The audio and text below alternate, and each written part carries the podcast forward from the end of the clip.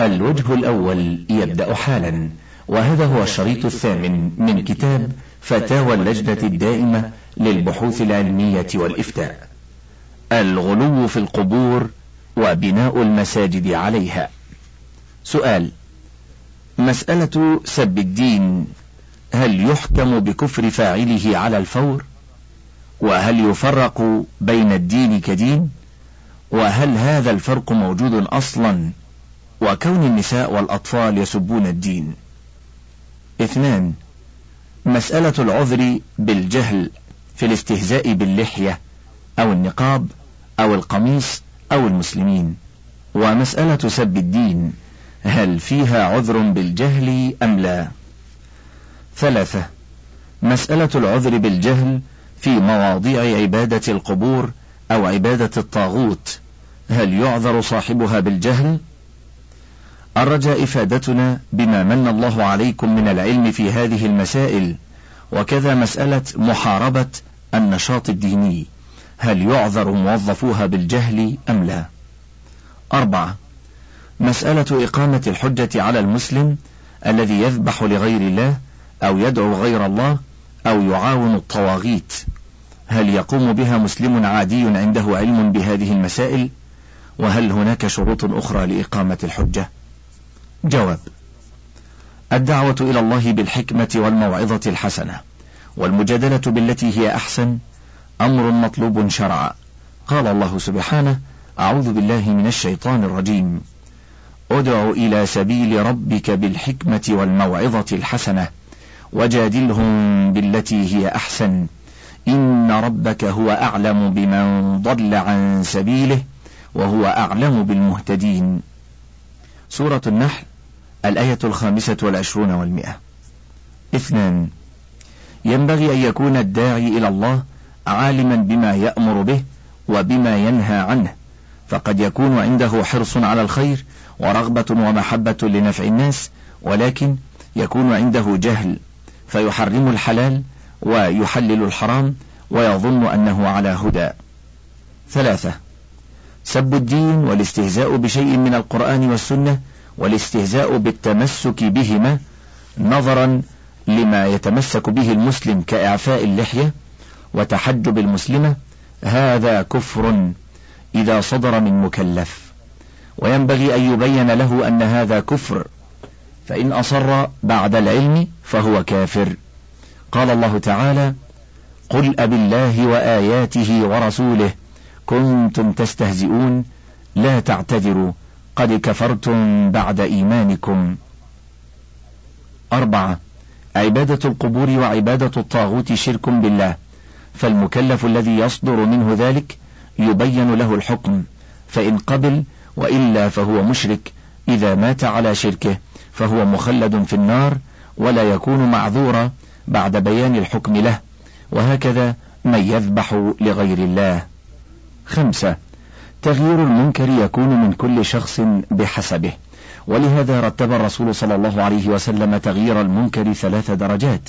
فقال صلى الله عليه وسلم من رأى منكم منكرا فليغيره بيده فإن لم يستطع فبلسانه فإن لم يستطع فبقلبه وذلك أضعف الإيمان. فالذين يستطيعون التغيير باليد هم الحكام ونوابهم والعلماء ينكرون باللسان ومن دونهم ينكرون بالقلب. وقد يتمكن بعضهم من التغيير باللسان. وقد قال الله سبحانه لا يكلف الله نفسا إلا وسعها. فالعبد لا ينبغي أن يكلف نفسه بما لم يكلفه الله به ومما ينبغي التنبيه له وأن من أراد تغيير منكر بأي درجة من الدرجات فلا بد من النظر فيما يترتب على تغيير المنكر من حصول المصالح والمفاسد وما يترتب على تركه من المصالح والمفاسد. فما ترجحت مصلحته في التغيير أو تركه أخذ به وما ترجحت مفسدته في التغيير أو تركه أخذ به. وإذا تعارضت المصالح في التغيير والترك جاز تفويت أدناها لحصول أعلاها.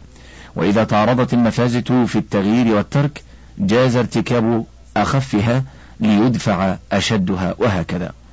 وإذا تساوت المصالح والمفاسد فدرء المفاسد. مقدم على جلب المصالح.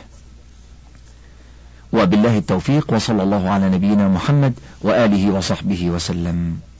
سؤال يقول فيه نصيحة من مكة المكرمة أن الحاج عبد الله بن مصطفى قال كنت نائمة فرأيت الرسول صلى الله عليه وسلم أمرني أن أبلغ هذه الرسالة بالمسلمين بالتعاون والإيمان.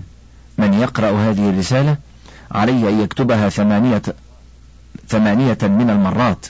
ومن لا يقوم بتوزيعها يعاقب بالمرض ومن يقوم بتوزيعها يفرح بعد عشرة أيام. فإذا كنت أكذب أموت على دين الكفر. هل هذا الكلام صحيح أم كذب؟ هل الناس الذين يذهبون إلى القبة للزيارة ويكون معهم دجاج أو نعجة ويذبحون حول القبة التي يوجد فيها الميت ويقولون بأن ذلك الميت مرابط هل هذا الشيء حرام أم حلال؟ جواب أولا هذه الرؤيا باطلة لا أصل لها وهي من جنس الرؤيا المنسوبة إلى خادم الحجرة النبوية.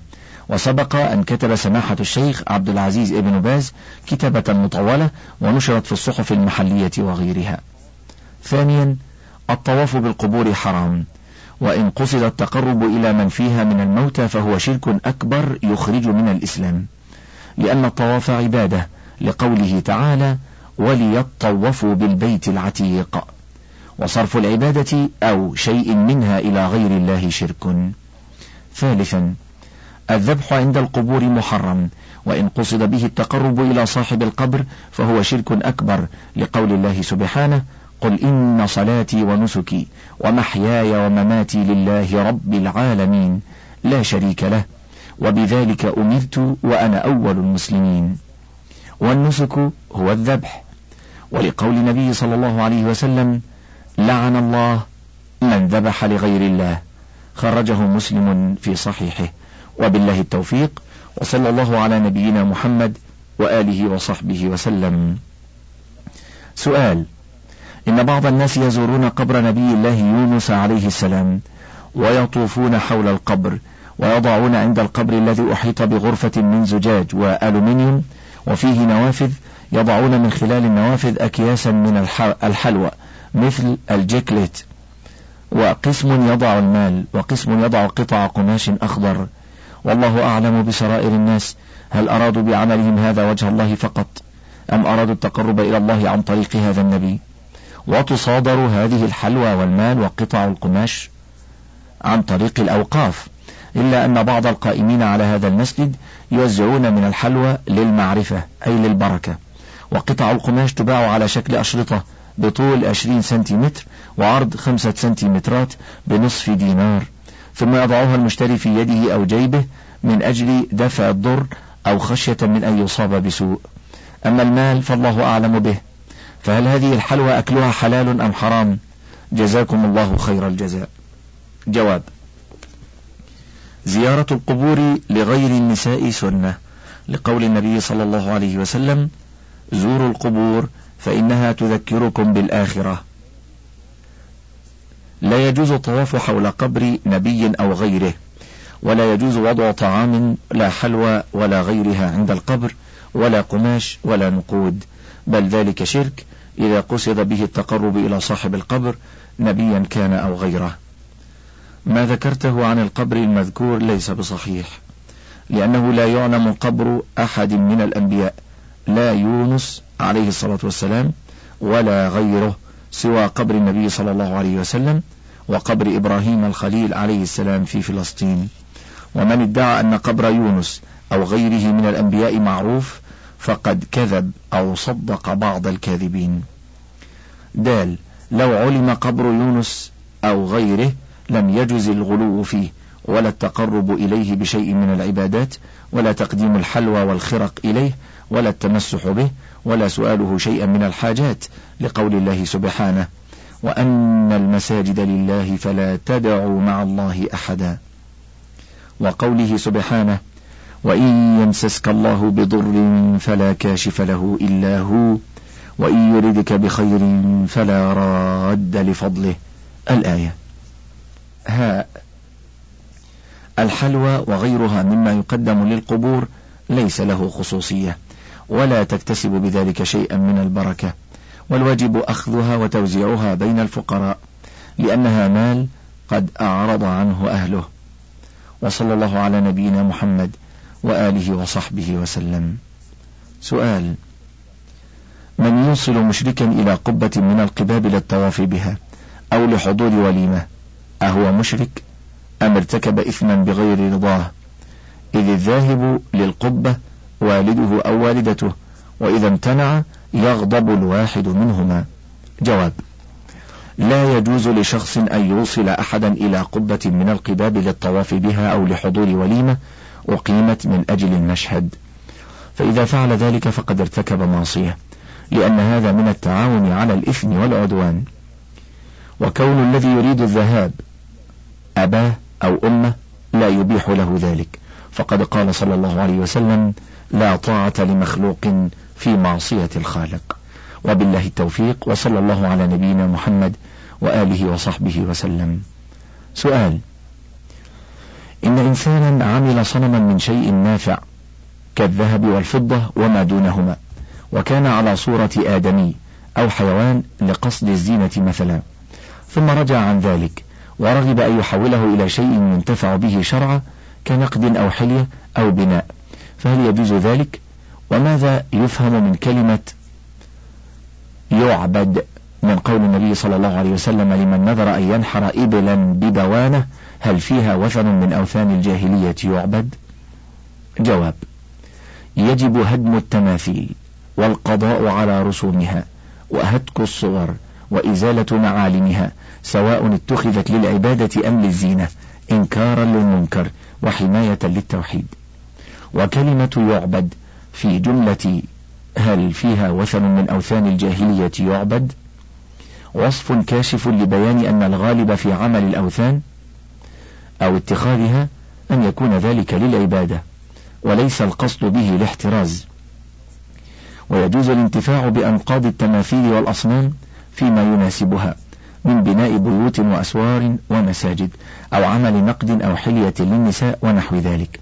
كما يجوز الانتفاع بالأوراق والألواح والسيارات التي بها صور بعد طمسها وإذهاب معالمها.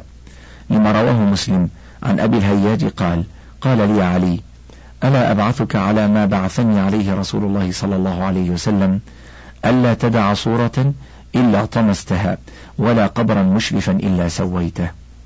فاكتفى صلى الله عليه وسلم في أمره علي رضي الله عنه بطمس الصور وتسوية القبور المرتفعة بالأرض كما اكتفى صلى الله عليه وسلم من عائشة رضي الله عنها بجعل الستارة التي في حجرتها في نمارق بعد أن قسمتها قطعة تذهب بمعالم ما كان فيها من الصور. وأقرها على ذلك ولم يأمرها بإتلافها ولأن الأصل جواز استعمال هذه الخامات والحرمة طارئة. فإذا زال ما طرأ عليها عادت إلى أصل إباحة الاستعمال فيما يناسبها شرعا. وصلى الله على نبينا محمد وآله وصحبه وسلم. سؤال هل يجوز لي أن أخرب الزوايا التي فيها أضرحة يسمون بالأولياء؟ وهل يجوز لي أن آخذ من هذه الزوايا بعد أن أدمرها السقف والغطاء لأنتفع بها؟ جواب بناء الزوايا والمساجد على قبر أو قبور حرام لما ثبت من نهي النبي صلى الله عليه وسلم عن ذلك ولعنه من فعل ذلك. فإن بنيت عليها فعلى ولاة المسلمين وأعوانهم هدمها إزالة للمنكر فإنها أسست على غير تقوى. وكذا لو كان لجماعة من المسلمين منعه وفيهم قوة فعليهم أن يزيلوها. كل ذلك إذا لم يخشى في هدمها إثارة فتن لا يستطاع إطفاؤها والقضاء عليها. فإن النبي صلى الله عليه وسلم لم يزل الأصنام التي كانت على الكعبة والتي بداخلها أول الأمر مع دعوته إلى التوحيد وتسفيه أحلام المشركين لعبادتهم الأصنام. فلما قوي المسلمون أزالها عام فتح مكة. ثانيا إذا هدمت جاز لك أن تأخذ من أجزائها ما تنتفع به إذا أمنت الفتنة ولم تخشى الضرر. وصلى الله على نبينا محمد وآله وصحبه وسلم. سؤال ما حكم السجود على المقابر والذبح عليها؟ جواب السجود على المقابر والذبح عليها وثنية جاهلية وشرك أكبر فإن كليهما عبادة والعبادة لا تكون إلا لله وحده فمن صرفها لغير الله فهو مشرك. قال الله تعالى قل إن صلاتي ونسكي ومحياي ومماتي لله رب العالمين لا شريك له. وبذلك أمرت وأنا أول المسلمين. من سورة الأنعام.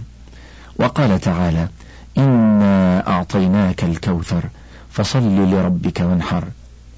إلى غير هذا من الآيات الدالة على أن السجود والذبح عبادة وأن صرفهما لغير الله شرك أكبر.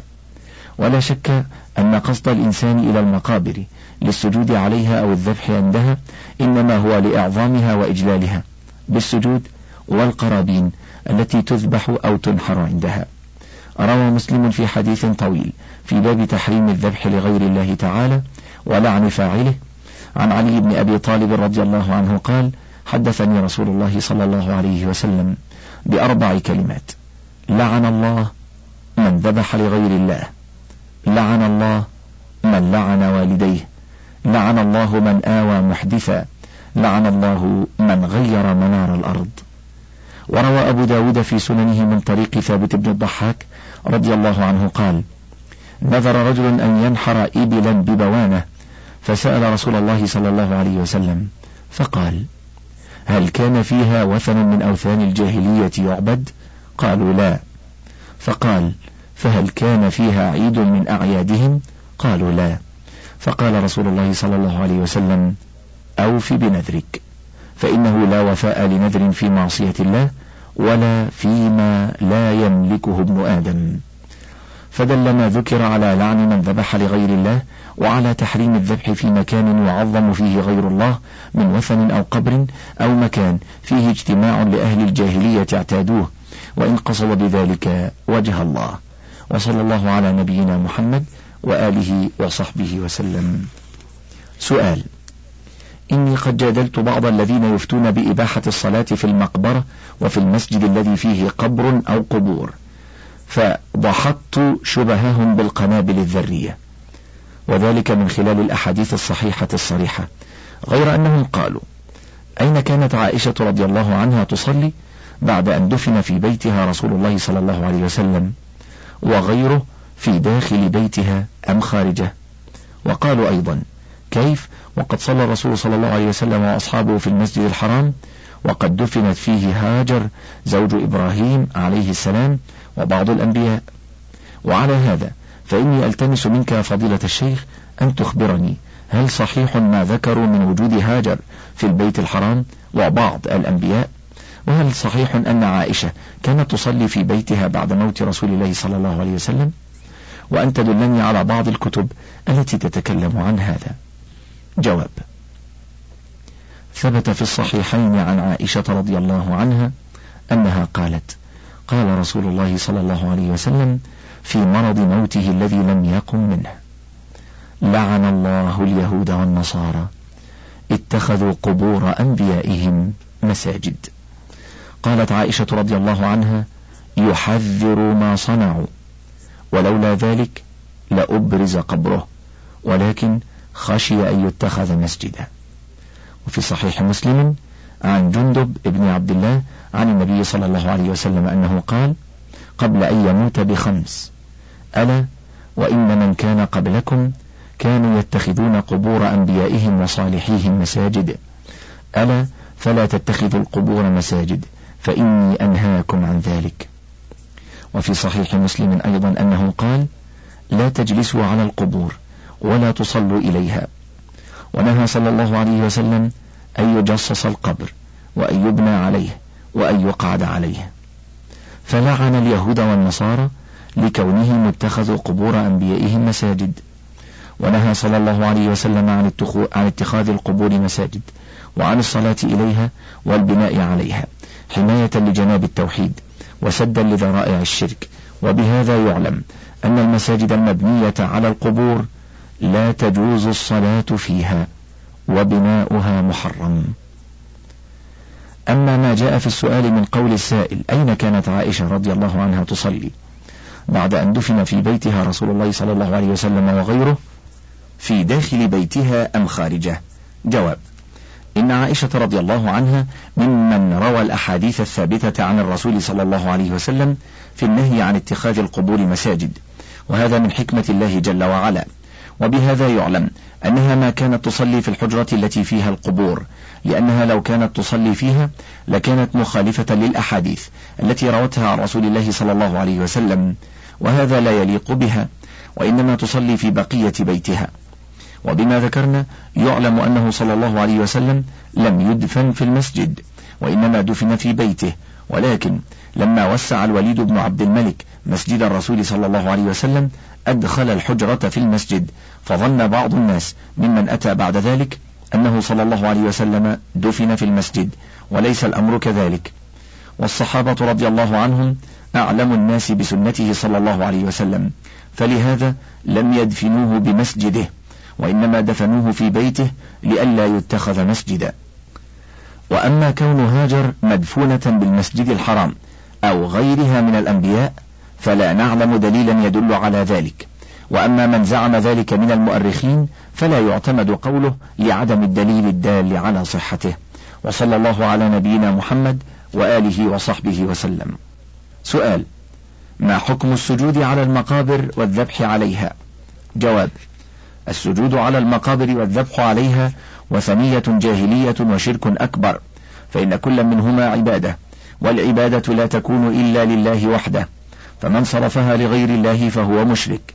قال الله تعالى قل إن صلاتي ونسكي ومحياي ومماتي لله رب العالمين لا شريك له وبذلك أمرت وأنا أول المسلمين. وقال الله تعالى إنا أعطيناك الكوثر فصل لربك وانحر. إلى غير هذا من الآيات الدالة على أن السجود والذبح عبادة وأن صرفهما لغير الله شرك أكبر. ولا شك أن قصد الإنسان إلى المقابر للسجود عليها أو الذبح عندها إنما هو لإعظامها وإجلالها بالسجود والقرابين التي تذبح أو تنحر عندها. روى مسلم في حديث طويل في باب تحريم الذبح لغير الله تعالى ولعن فاعله عن علي بن أبي طالب رضي الله عنه قال حدثني رسول الله صلى الله عليه وسلم بأربع كلمات لعن الله من ذبح لغير الله لعن الله من لعن والديه لعن الله من آوى محدثا لعن الله من غير منار الأرض. وروى أبو داود في سننه من طريق ثابت بن الضحاك رضي الله عنه قال نذر رجل أن ينحر إبلا ببوانة فسأل رسول الله صلى الله عليه وسلم فقال هل كان فيها وثن من أوثان الجاهلية يعبد قالوا لا. فقال فهل كان فيها عيد من أعيادهم؟ قالوا لا. فقال رسول الله صلى الله عليه وسلم أوف بنذرك فإنه لا وفاء لنذر في معصية الله ولا فيما لا يملكه ابن آدم. فدل ما ذكر على لمح لعن من ذبح لغير الله وعلى تحريم الذبح في مكان يعظم فيه غير الله من وثن أو قبر أو مكان فيه اجتماع لأهل الجاهلية اعتادوه وإن قصد بذلك وجه الله. وبالله التوفيق وصلى الله على نبينا محمد وآله وصحبه وسلم. سؤال هل تجوز الصلاة في مسجد دفن فيه ميت أو أموات لضرورة عدم وجود غيره؟ مع العلم أني إذا لم أصلي فيه لم أصلي الجماعة ولا الجمعة. جواب يجب نبش قبر أو قبور من دفن فيه ونقلها إلى المقبرة العامة أو نحوها ودفنهم فيها. ولا تجوز الصلاة به والقبر أو القبور فيه بل عليك أن تلتمس مسجدا آخر لصلاة الجمعة والجماعة قدر الطاقة. وبالله التوفيق وصلى الله على نبينا محمد وآله وصحبه وسلم. سؤال ما حكم الصلاة في المساجد؟ التي يوجد بها قبور ومقامات. جواب لا يجوز للمسلم أن يصلي في المساجد التي بنيت على القبور والأصل في ذلك الأدلة الدالة على النهي عن بناء المساجد على القبور. ومنها ما ثبت في الصحيحين. عن عائشة رضي الله عنها أن أم سلمة ذكرت لرسول الله صلى الله عليه وسلم كنيسة رأتها بأرض الحبشة وما فيها من الصور فقال أولئك شرار الخلق عند الله. ومنها ما رواه أهل السنن. عن ابن عباس رضي الله عنهما قال لعن رسول الله صلى الله عليه وسلم زائرات القبور والمتخذين عليها المساجد والسرج.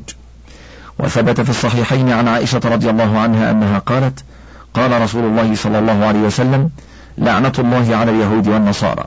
اتخذوا قبور أنبيائهم مساجد. وبالله التوفيق وصلى الله على نبينا محمد وآله وصحبه وسلم. سؤال هل يجوز إقامة المساجد على قبور أولياء الله الصالحين؟